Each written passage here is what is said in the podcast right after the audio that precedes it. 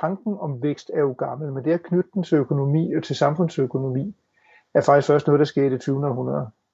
Inden da er der ikke nogen, der vil finde på at stille spørgsmål om, hvordan har dansk økonomi det for eksempel. Fordi dansk økonomi fandtes ikke som en størrelse.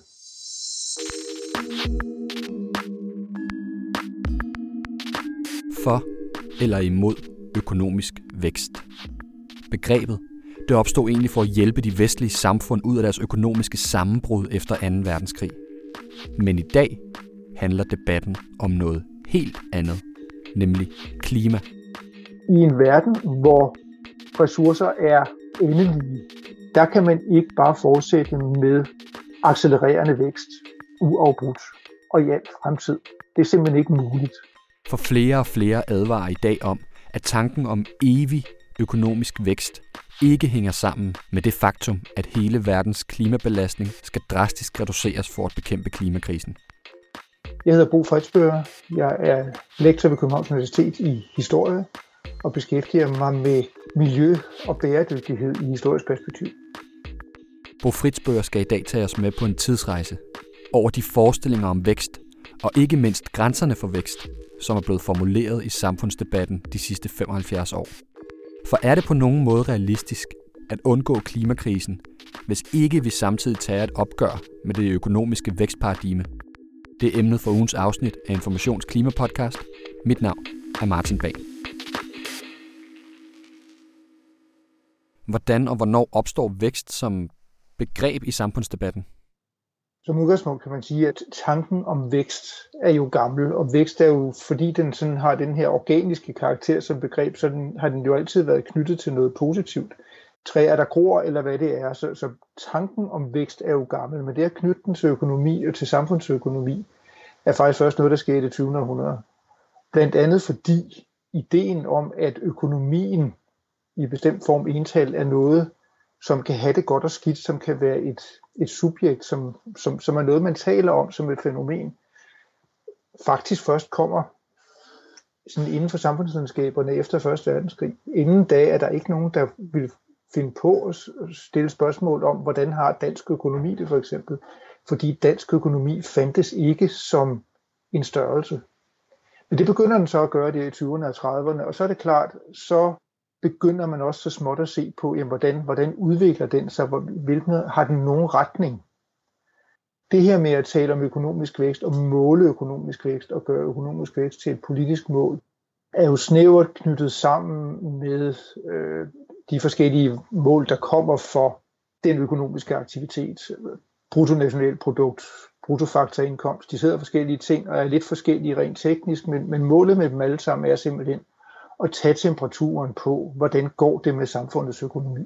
Og det pussige eller bemærkelsesværdige er, at den russisk-amerikanske økonom Simon Kuznets, der, der udvikler det første sådan virkelig anvendelige af de her begreber, det gør han i 1930'erne. Han advarer meget kraftigt mod at bruge det et som mål for forandring eller som mål for forskelle mellem lande, og i det hele taget endelig ikke forveksle det med, hvor godt det går i et samfund. Altså han, han går meget ud af at understrege, at bruttonationalproduktet er et, et forholdsvis primitivt udtryk for graden af økonomisk aktivitet, men kvaliteten af den aktivitet forholder man sig overhovedet ikke til, og derfor kan man ikke bruge BNP målinger til at sige noget om, hvor godt det går i samfundet. Der bliver man nødt til at se på, hvad er det så, den økonomiske aktivitet går ud på. Er det genopbygning efter krig, eller er det udbredelse af læsefærdighed til hele befolkningen, eller hvad er det? Og de der advarsler, som Kutsnes kom med i 30'erne, har vi alle sammen kollektivt glemt. Og der har meget længe i hvert fald været en tendens til at gøre vækst i BNP til synonymt med samfundsmæssige fremskridt. Og det er nok i virkeligheden en af de de grundlæggende problemer, som vi står og kæmper med i dag. Men hvad mente han så egentlig, at BNP kunne bruges til? For BNP er jo lidt blevet kaldt statistikken over dem alle i verden, og som du siger, så blev det jo opfundet af Simon Kuznets og især brugt i kølvandet på 2. verdenskrig. Altså den her idé om, at man kan sammenregne al økonomisk aktivitet lige fra individer, virksomheder og staten i et enkelt tal. Hvorfor opstod den idé? Jeg Han, han opfandt det i 30'erne, og så bliver så, det er fuldstændig rigtigt, det bliver for alvor brugt først efter 2. verdenskrig. Øhm, han var allerede sådan, han var ikke længere på den måde en del af det. Øh, det var helt andre kræfter, der tog over. Det var især i forbindelse med genopbygningen i Europa efter 2. verdenskrig med det, der først hed OEC, og som i dag hedder OECD, altså den vestlige verdens økonomiske samarbejdsorganisation, der bliver stiftet i forbindelse med Marshallhjælpen fra USA til Europa. Der bliver økonomisk vækst i BNP bliver simpelthen målet for, hvor godt genopbygningen lykkes. Og ikke alene genopbygningen i Europa som helhed, men genopbygningen i de enkelte modtagerlande, som jo altså er de vesteuropæiske lande. Og ikke alene bliver det et, hvad skal man sige, et ydermål for, hvor godt Marshallhjælpen slår igennem og er med til at sætte gang i de europæiske nationaløkonomier igen. Det bliver også meget hurtigt for de nationale partier et politisk målsætning, at vi skal sørge for et at få gang i den økonomiske vækst og at holde gang i den. Så målet om fortsat økonomisk vækst målt i BNP, det kommer der i, i efterkrigstiden. Og for Danmarks vedkommende må man jo sige, der, der går der jo altså helt ind til, det er jo først omkring 1958, at økonomien virkelig begynder at bulle af, og de følgende fem år ser fuldstændig vanvittige vækstrater i BNP i dansk sammenhæng. Så stiller det lidt af igen, og så stiller det meget af, når vi nåede op til oliekrisen i 70'erne. Men, men, men det var det, der var formålet med det, og, og hvorfor lige et enkelt mål, hvorfor ikke noget meget mere komplekst? Det er jo nok, fordi det er sådan i al forvaltning, at når man skal omsætte et billede af virkeligheden til handling, så jo mere simpelt det billede er, jo, jo, jo i højere grad det kan blive kondenseret ned til et enkelt tal, desto bedre er det, desto lettere er det at have med at gøre. Og det er simpelthen et, man kan sige, det er bekvemmelighedsårsager. At bare et enkelt tal kan udtrykke så meget, så går vi med det. Selvom der er nogle forbehold.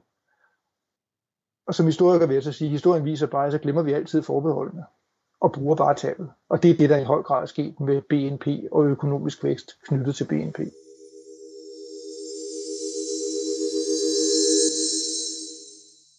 Hvordan har debatten om vækst så udviklet sig i det danske samfund siden 2. verdenskrig?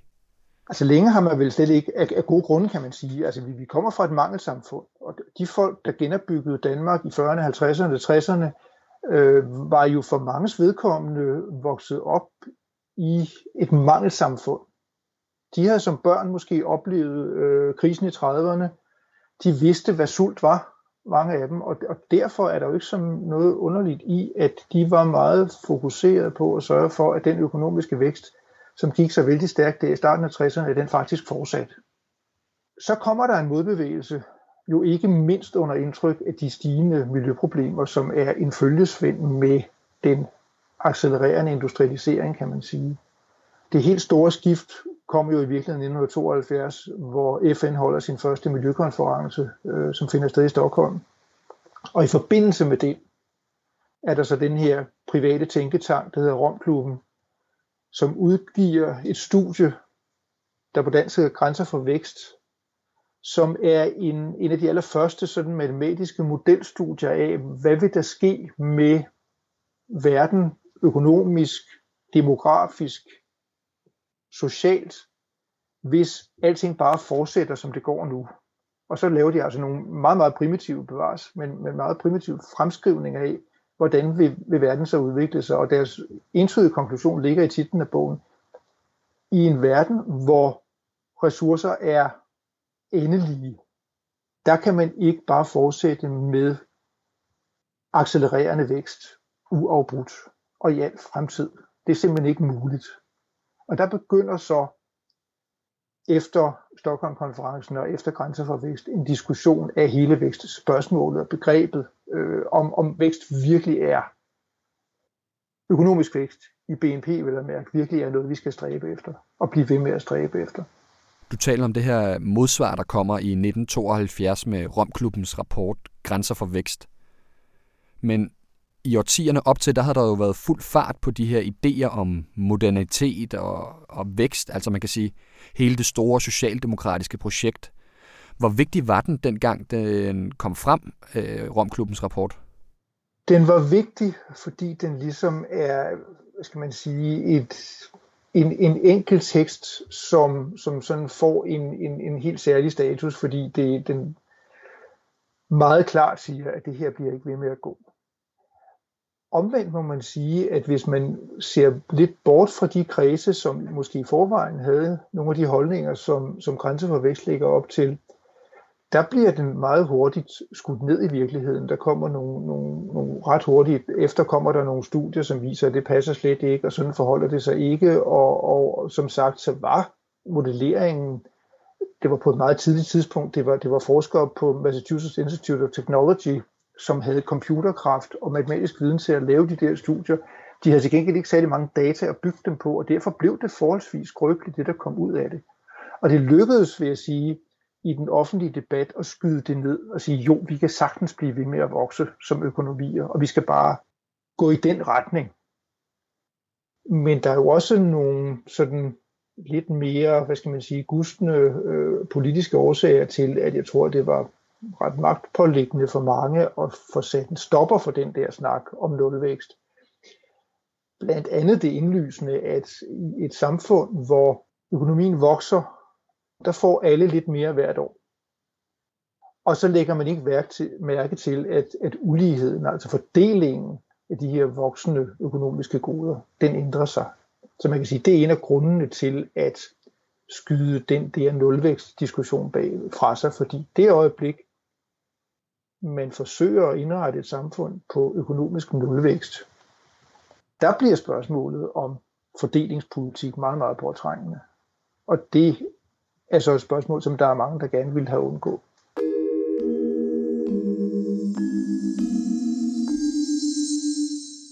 Bo, hvis man ser i et klimaperspektiv, så er det helt centrale jo det, man kalder afkobling. Ideen om, at vi kan altså bevare væksten i økonomien, hvis vi formår at afkoble det fra vores forbrug af naturressourcer og udledning af CO2.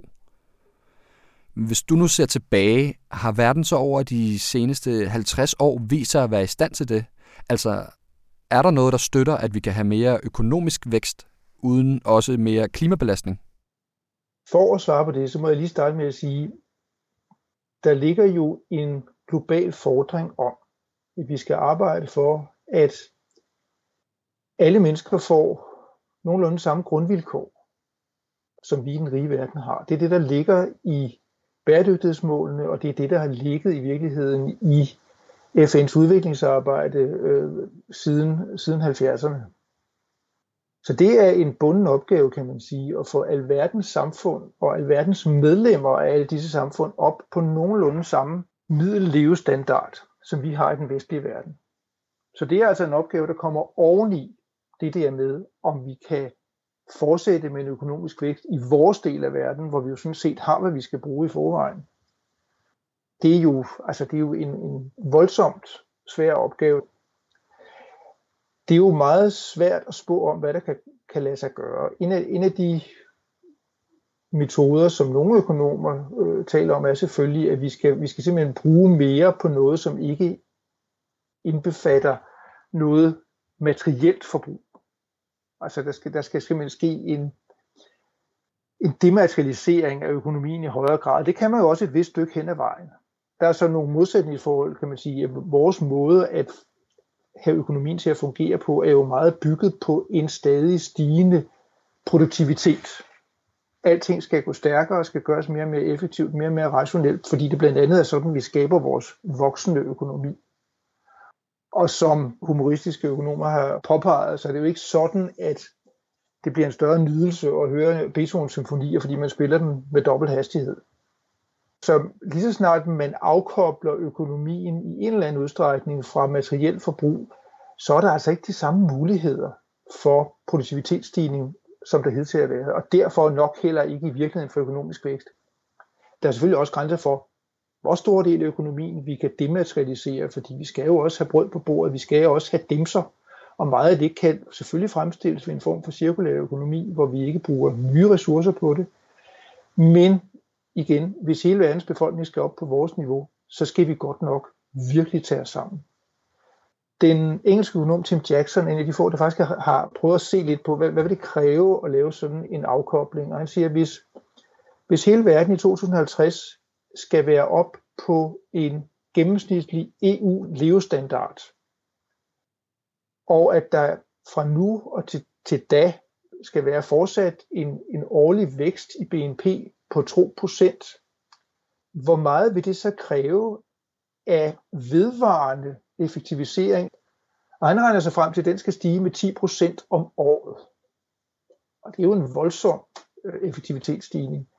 Kan vi sammenligne det med noget historisk? Ja, det kan vi. Vi kan sammenligne det med, med et af de bedste eksempler, vil jeg sige, i, i verden på en relativ afkobling, nemlig det danske energiforbrug som jo er en solstrålehistorie i, i international sammenhæng, hvor vi jo virkelig har formået at afkoble vores energiforbrug fra vores økonomiske vækst.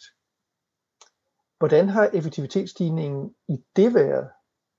Jamen det har jeg regnet lidt på. Siden 1973 har der været en gennemsnitlig årlig effektivitetsstigning på 1%.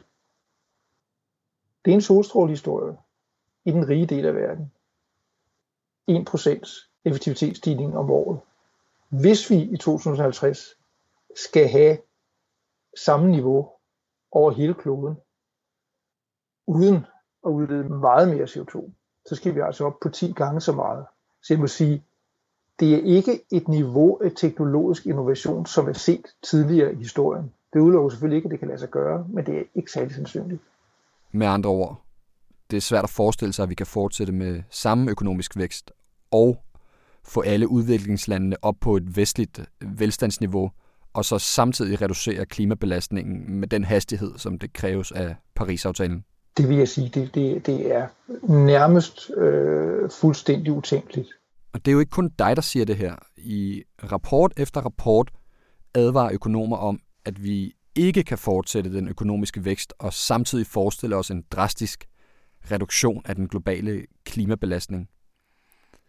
Hvordan har kritikere af væksten kæmpet med at føre en diskussion om at lave den nuværende økonomiske model om? På forskellige fronter. Man kan sige, øh, Danmark er jo kendt som et forholdsvis grønt land, og vi vil gerne gøre os til et grønt forgangsland, men vi har jo meget gjort det inden for det, som en, en, en hollandsk politolog, Martin Heyer, kalder økologisk modernisering. Og det vil sige, det er sådan en, en måde, hvad skal man sige, inden for systemets rammer at effektivisere og reformere systemet sådan, så det ikke laver så mange miljøproblemer. Og det er jo også lidt sådan, man i hvert fald i mainstream politik tænker på det her. Det må kunne lade sig gøre at lave de fornødne ændringer inden for systemets rammer. Og øh, miljøforkæmpere, der gerne vil have gennemslagskraft i den offentlige debat, bliver derfor i høj grad nødt til at sige, at det skal ske på, og nu siger jeg et ord, som meget ofte bliver brugt i en nedsættende sammenhæng. For mig er det sådan set en rent teknisk term. Det skal bruges på kapitalismens betingelser. Vi har en kapitalistisk verdensøkonomi. Vi lader markedet bestemme rigtig, rigtig meget, og det vil vi gerne have lov til at blive ved med. Og når man, når man ligesom går ind på den præmis, så er der en vis lydhørighed hvis man siger, at vi bliver nødt til at nedbryde kapitalismen og erstatte den med noget helt andet, vi kan ikke lade markedet spille den rolle, det gør i dag, så vil de fleste opleve at tale for døve ører. Og, og, og selvom der er pres på, selvom de økonomiske vismænd begynder at arbejde på andre måder at opgøre samfundsøkonomi på en BNP osv., så er det alt sammen på præmissen af, at det skal ske inden for det system, vi kender. Det kan da godt være, at det kan lade sig gøre.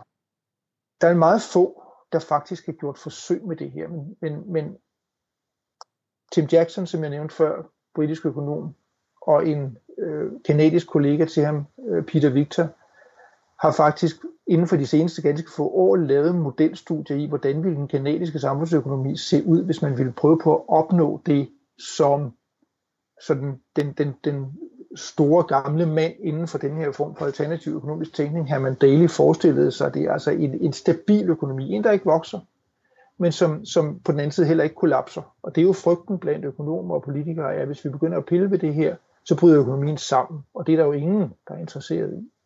Men de viser faktisk, at man ved reduktion af produktivitetsstigningstakt ved en forholdsvis stor offentlig sektor, der går ind og stabiliserer samfundsøkonomien, så kan man godt opnå en sådan steady state economy, uden at det hele bryder sammen.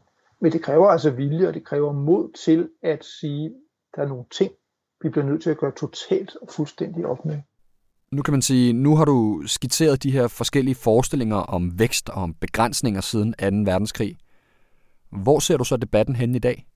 Den er jo differentieret, kan man sige, og der er noget mere lydhed øh, over for ideen om, at vækst ikke nødvendigvis er en naturlig eller nødvendig ting.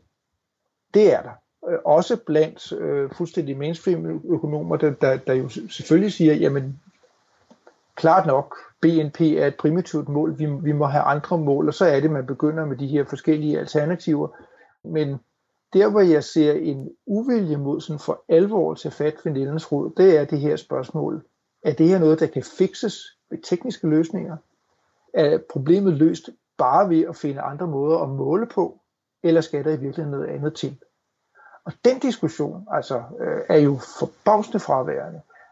Der er en genkomst af en vis teoretisk orienteret venstrefløj, som, som råber revolution, og så i øvrigt ikke rigtig har nogen svar på, hvordan revolutionen i sig selv medfører øh, alle de gode ting, de gerne vil opnå, og for så vidt heller ikke viser 100 års erfaringer øh, nogen rigtig gode track record med hensyn til revolutioner, der fører til det, man gerne vil have. Men, men der, sker der, der sker noget. Øh, det, det er jeg overhovedet, overhovedet ikke i tvivl om, og, og, og, og måske kan det faktisk flytte noget. Der er masser af mennesker, der slutter op om at sige, der skal ske noget nu, og det, som forskellige regeringer rundt omkring i Europa kommer med, det er alt for lidt og alt for sent. Nu kører vi venner. Spørgsmålet er bare, om det er nok, og hvordan vi får resten med. Tak til Bo Fritzbøger. Selv tak. Og tak til dig, der lyttede med. Ugens afsnit var klippet af Anne Pilegaard, og med i redaktionen er også Anton Geist og Louise Drivsholm. Vi lyttes ved.